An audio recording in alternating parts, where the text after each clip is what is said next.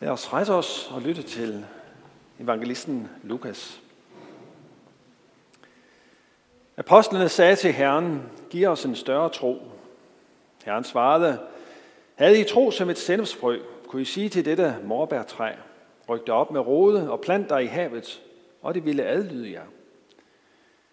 Hvis en af jer har en tjener, som pløjer eller er hyrde, vil han så sige til ham, når han kommer hjem fra marken, kom straks og sæt dig til bords.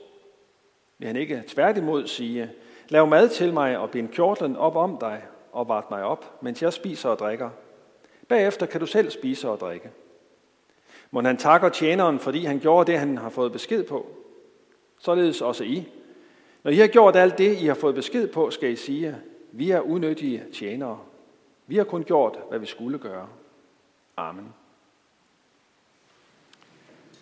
Og lad os lige samle vores tanker i bøn.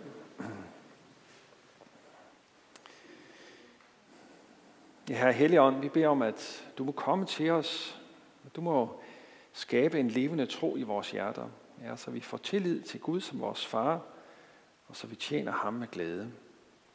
Amen.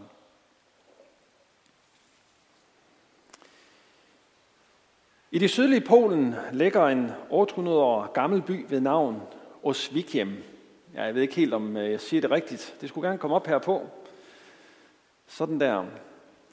Oswieciem, jeg ved ikke, når nogen af jer, der er god til polsk. Det er jeg nok ikke. Øh, men den bærer det officielle tilnavn Fredens by, og der bor ca. 40.000 mennesker i den i dag.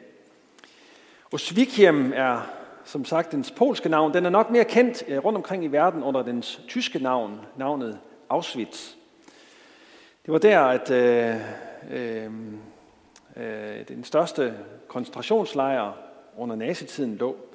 Og der er efterhånden ikke så mange som altså, efterlevende fra den tid, som kan huske det. Men i morgen så er det 75 år siden, at russerne befriede lejren, og alle dem, der var tilbage der. Og verden fik kendskab til en af de største folkemord i historien. Midt i byen, der kan man stadigvæk i dag se uh, indgangsportalen Arbeit macht frei. Uh, nu er det et museum til minde om det fuldstændig forfærdelige, der skete der. Og Svighjem holder mindet i live, men forsøger samtidig også at være en by, hvor livet kan blomstre på ny, og hvor man kan leve videre, trods det, som skete dengang. Vi har brug for at huske nazitidens umenneskelige handlinger, for at undgå, at det sker igen. Det er både i Polen og i Tyskland og i resten af Europa, i hele verden, skal vi, øh, skal vi huske på, hvad der skete dengang. Men samtidig så skal vi også prøve at lægge fortiden bag os. Prøve at tilgive. Man kan ikke fortænke dem i, at de gerne vil have en by, hvor de kan leve videre i og glæde sig over livet. Spørgsmålet er, hvornår en sådan by, den, den kommer ud over fortidens forbrydelser, ud af skyggen fra det.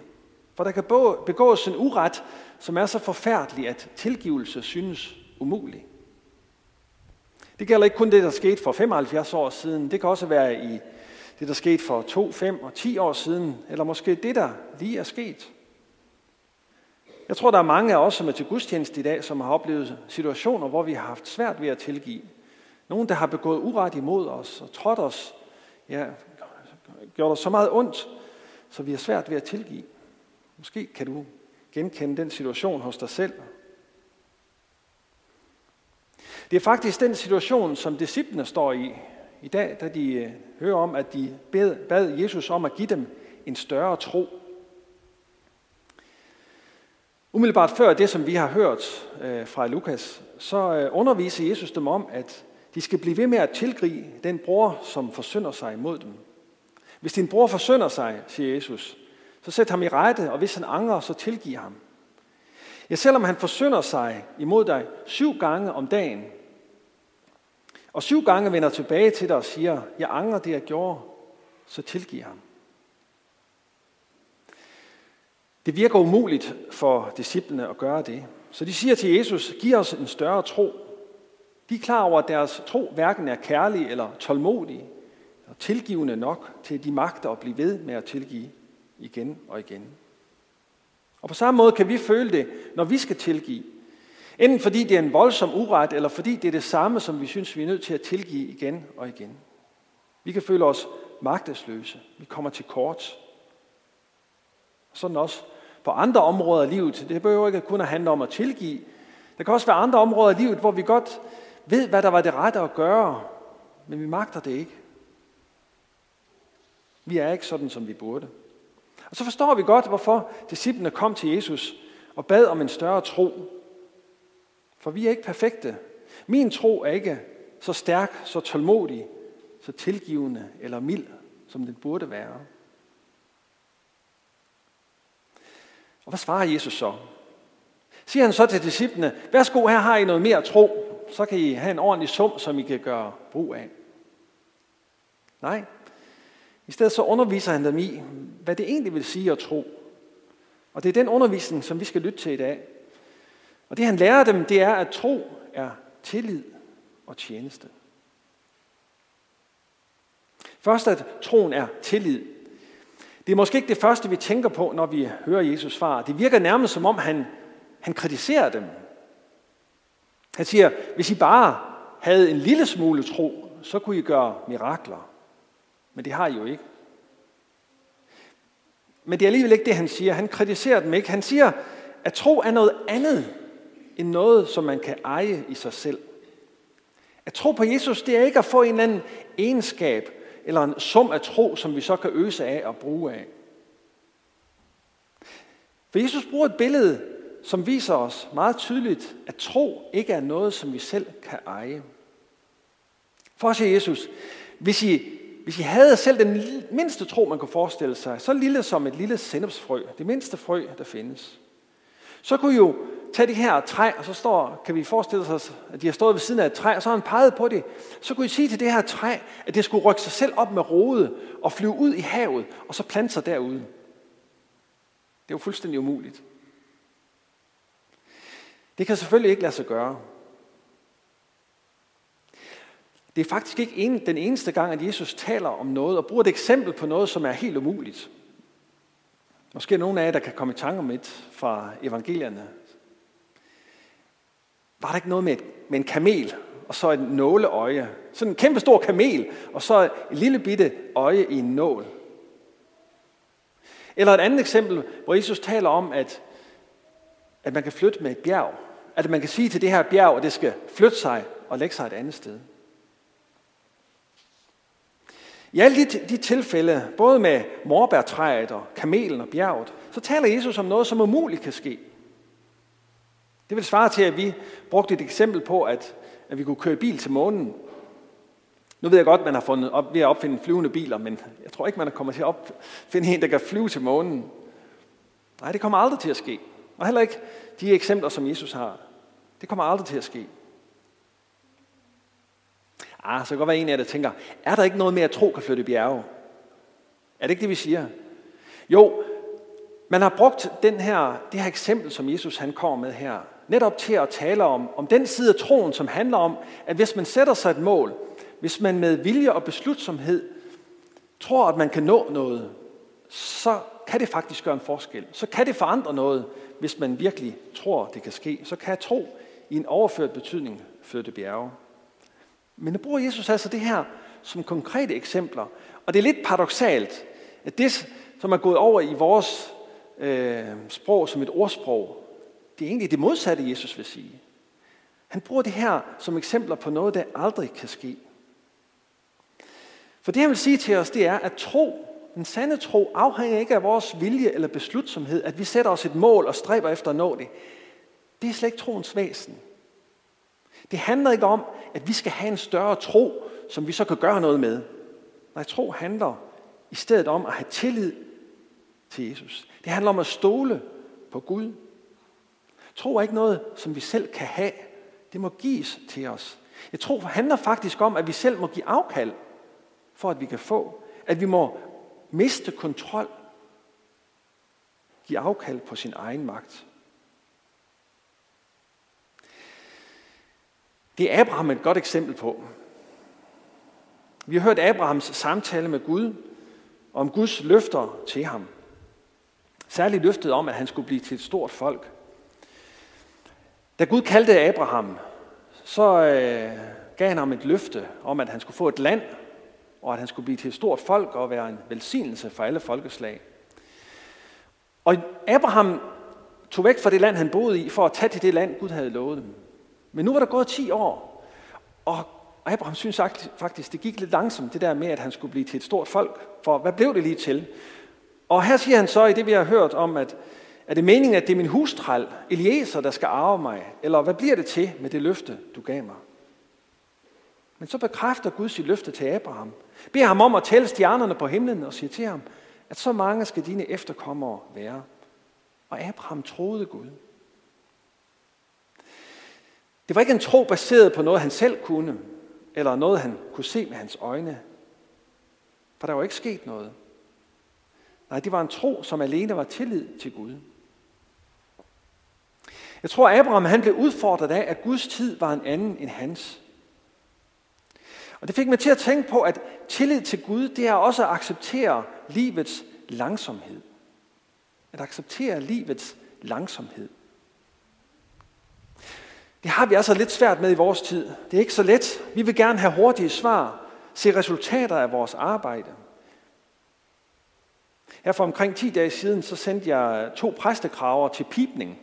Nu ved jeg ikke, om I ved, hvordan sådan noget det foregår. Men altså, den her på her, det er sådan en præstekrave, som, hvis der kommer vand på den, så, så falder den helt sammen. Så skal den, øh, og den gang imellem, så bliver den også lidt øh, brugt. Så sender den til en, som, øh, som kan vaske den, og fylde en masse stivelse i sin vask, og så har man sådan en, øh, sådan, næsten sådan en tang, og så piber man den. Nå, det var en lang forklaring for ingenting.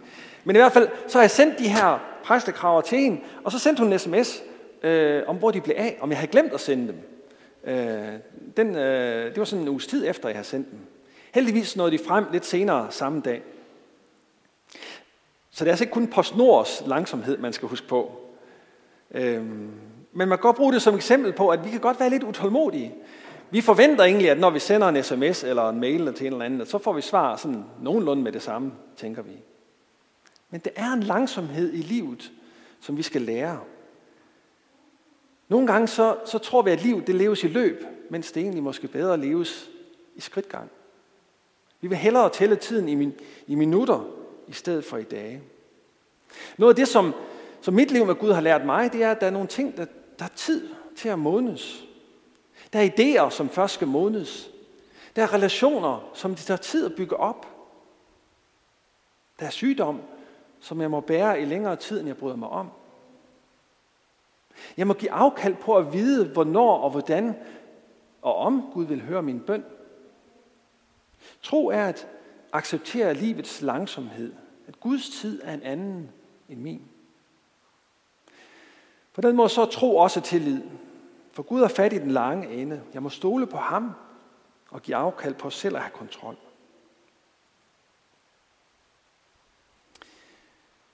Når vi skal lære at tro og tillid, så handler det også om at rette vores fokus på noget andet end os selv. Ret det mod Gud. Og det samme gælder, når vi skal tale om tro som tjeneste. Vi har egentlig som mennesker en, en indbygget forestilling om, at verden drejer sig rundt om os selv. At vi selv er centrum i tilværelsen. Det tog noget tid, inden den moderne verden, og ikke mindst kirken, accepterede, at solen ikke drejer rundt om jorden, men det er jorden, der drejer rundt om solen. Det var Kopernikus, der i 1500-tallet fandt ud af, at solen er centrum i vores solsystem. Men det var først 100 år senere, at det sådan blev almen accepteret, at det var sådan, det var. Man gik fra den geocentriske, altså jordcentrerede, til den heliocentrerede verdensbillede. Helios betyder, betyder solen. Når det gælder troen på Gud, så har vi faktisk i udgangspunktet et antropocentrisk udgangspunkt. Antropos betyder menneske. Vi sætter os selv i centrum. Det er en arv, vi bærer med fra syndefaldet. Det så vi for nyligt et eksempel på, der i den offentlige debat om religionens betydning blev så fast af flere politikere, at demokratiet står over Gud, sagde man. Ja, man sagde lige frem, at Gud har vigepligt. Men det er ikke sandt. Sådan ser virkeligheden ikke ud. Vi skal adlyde Gud mere end mennesker. Skal vi selvfølgelig respektere, at vi lever i et demokratisk samfund, men Gud står sig over os mennesker. Han er vores omdrejningspunkt. Så egentlig så skal vi have et deocentrisk udgangspunkt. Deus betyder Gud. Og det skal vi lære. Det var det, Jesus underviste sine disciple om med lignelsen om tjeneren, der forventede sig at opvarte sin herre. En ganske almindelig hverdagssituation. Hvis en person er ansat til at udføre et stykke arbejde, så forventer man, at vedkommende gør sit arbejde, indtil det er færdigt, og så holder man fri. Det kender vi alle sammen til. Selvfølgelig er det høfligt, hvis vores arbejdsgiver siger tak for det arbejde, vi har øh, udført, især hvis det er udført godt. Men i udgangspunktet skal vi ikke fortjene en speciel tak eller taknemmelighed, fordi vi gør det, som vi skal gøre. Jesus udlægger selv lignelsen for disciplene. I er tjenere for Gud. I skal gøre det, som I får besked på, siger han. Måske synes vi, det lyder rimelig strengt, at Gud sådan er vores arbejdsgiver. Vi skal bare gøre vores pligt. Men egentlig så kunne vores bibel, i vores bibeloversættelse, så kunne det være oversat mere strengt. For det ord, der er oversat med tjener, kan faktisk også betyde slave. I Bibelen på hverdagsdansk, der har man faktisk oversat det her sted på den måde og siger, vi er jo bare slaver, der kun har gjort, hvad vi fik besked på. Hvordan passer det billede med de andre billeder, vi ellers kender af Gud, om vores forhold til ham? For andre steder taler Jesus jo om Gud som vores far. Vi er Guds børn. Vi kender lignelsen om den fortabte søn, og billedet af faderen, der bare står og venter på, at sønnen kommer hjem og omfavner ham, når han gør det.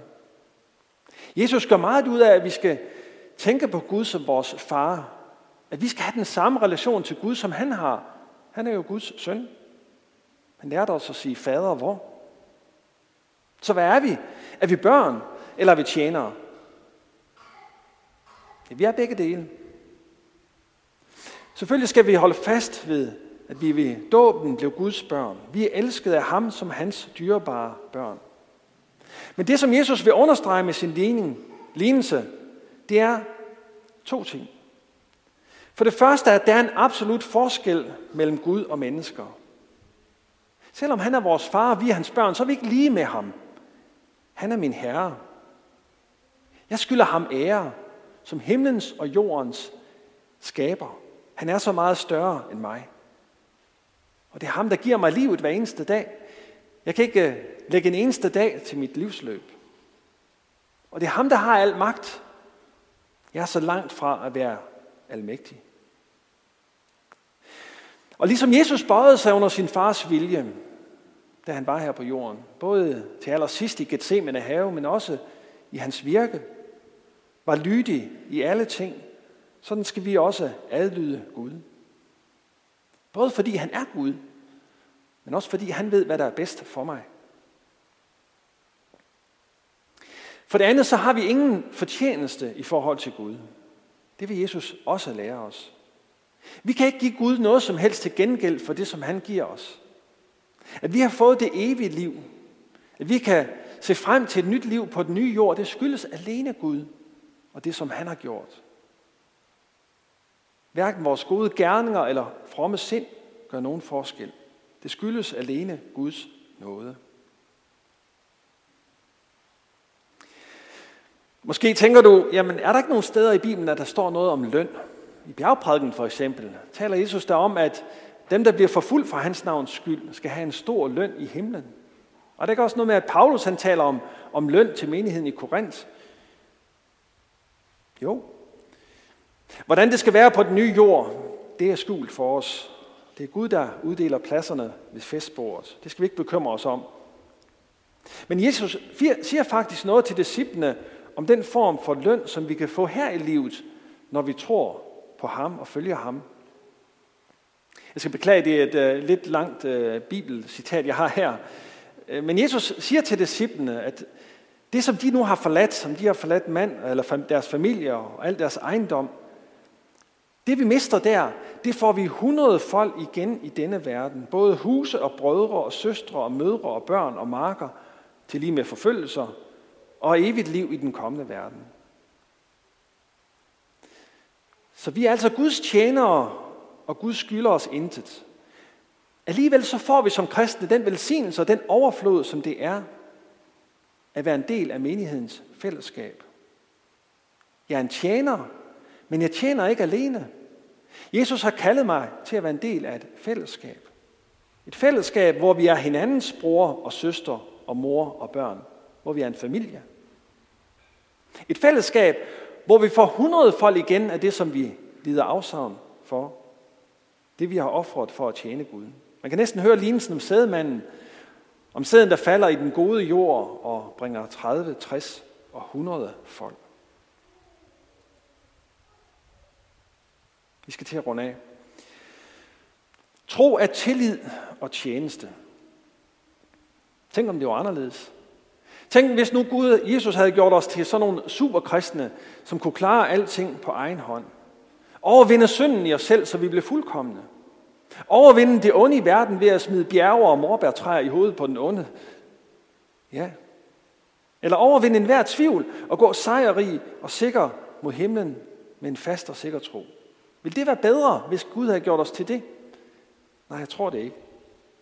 Heldigvis så er vi ligesom de første disciple, og ligesom alle, der har fulgt efter dem i kirkens historie, fuldstændig afhængige af Gud.